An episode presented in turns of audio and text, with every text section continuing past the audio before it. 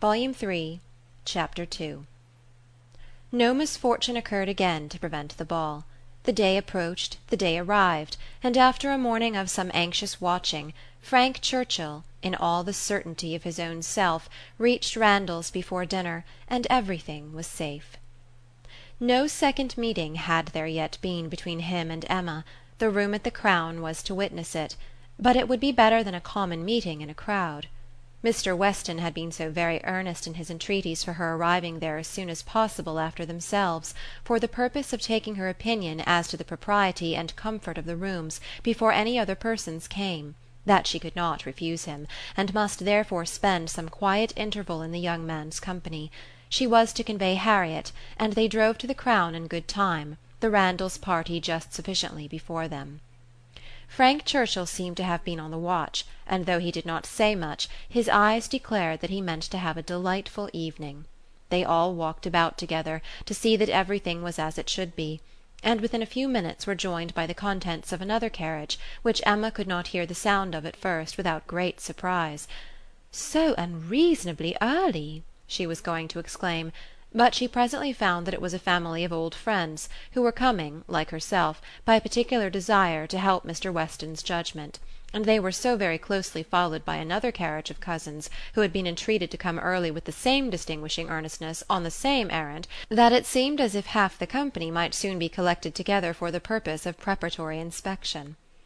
Emma perceived that her taste was not the only taste on which Mr. Weston depended, and felt, that to be the favourite and intimate of a man who had so many intimates and confidants was not the very first distinction in the scale of vanity. She liked his open manners, but a little less of open heartedness would have made him a higher character.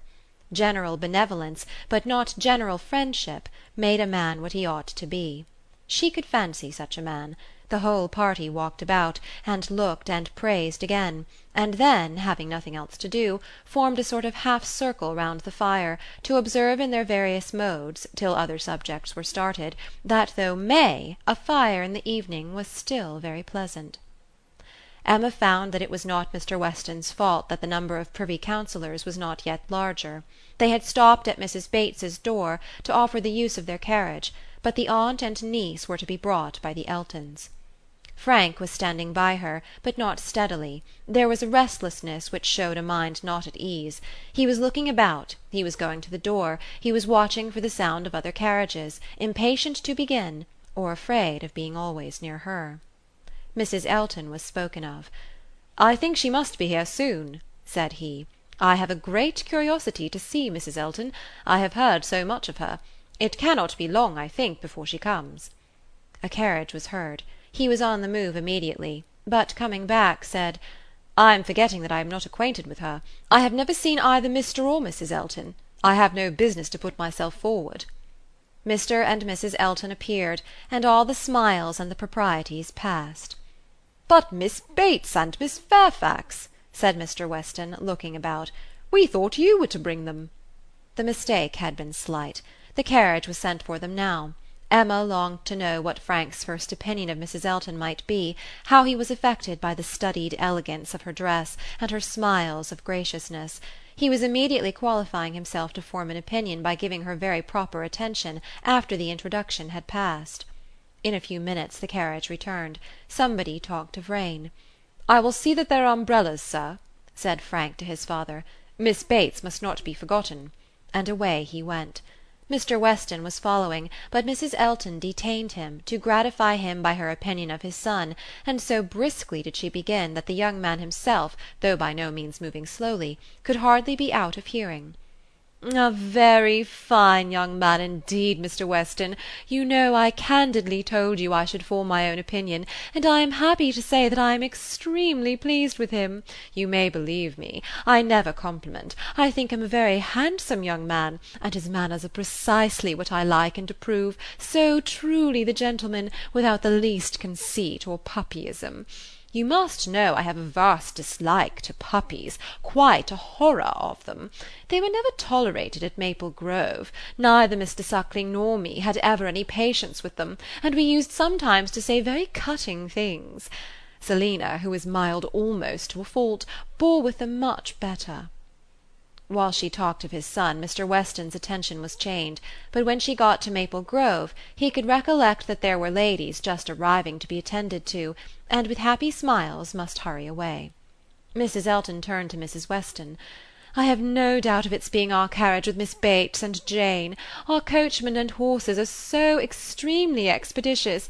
I believe we drive faster than anybody. What a pleasure it is to send one's carriage for a friend!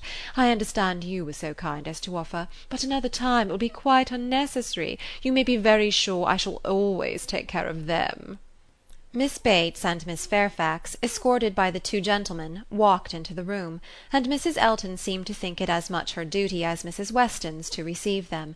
Her gestures and movements might be understood by any one who looked on like Emma, but her words, everybody's words, were soon lost under the incessant flow of Miss Bates, who came in talking, and had not finished her speech under many minutes after her being admitted into the circle at the fire. As the door opened she was heard. "Oh, so very obliging of you! No rain at all; nothing to signify. I do not care for myself; quite thick shoes; and Jane declares Well!" as soon as she was within the door, "well! this is brilliant indeed! This is admirable! Excellently contrived, upon my word; nothing wanting; could not have imagined it; so well lighted up. Jane, Jane, look! Did you ever see anything? Oh, Mr. Weston, you must really have had Aladdin's lamp. Good Mrs. Stokes would not know her own room again. I saw her as I came in; she was standing in the entrance. Oh, Mrs. Stokes, said I; but I had not time for more. She was now met by Mrs. Weston. Very well, I thank you, ma'am. I hope you are quite well.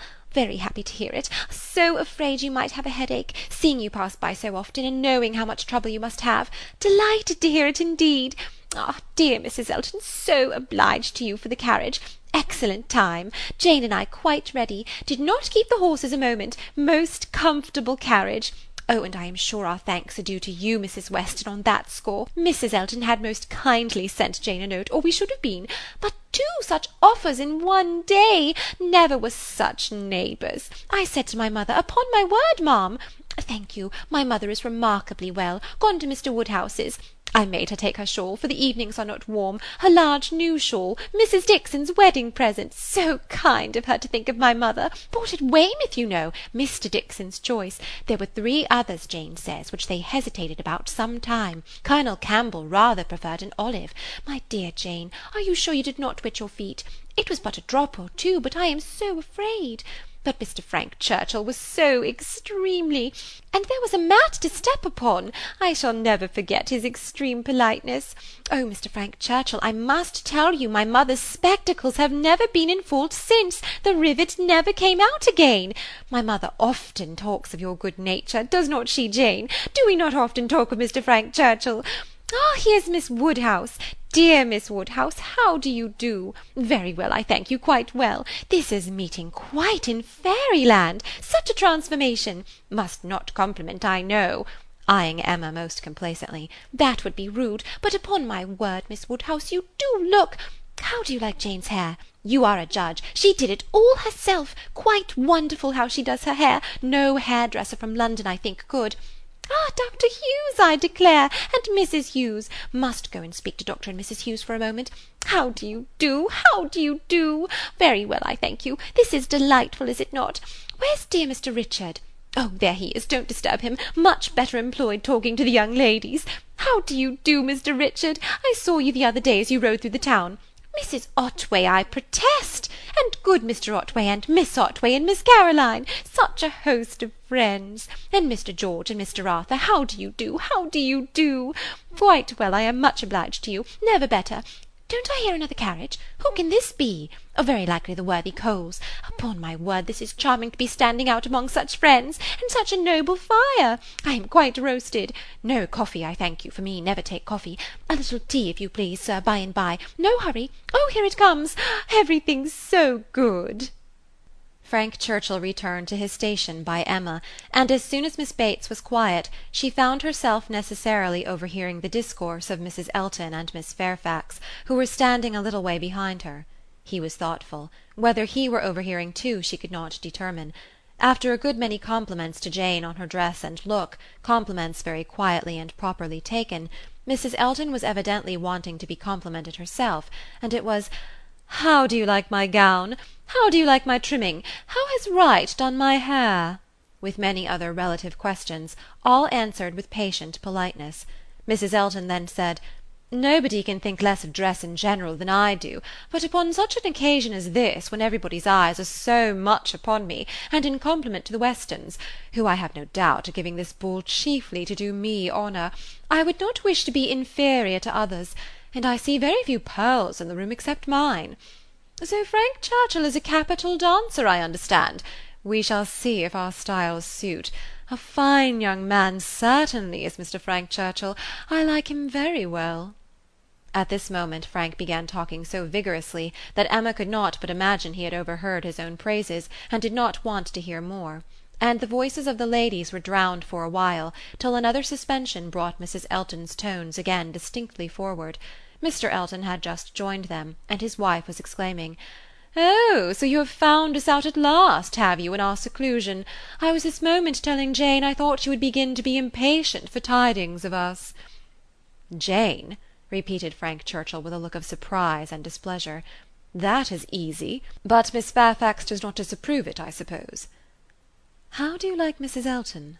said Emma in a whisper. "Not at all." "You are ungrateful." "Ungrateful? What do you mean?" Then changing from a frown to a smile. "No, do not tell me; I do not want to know what you mean. Where is my father? When are we to begin dancing?"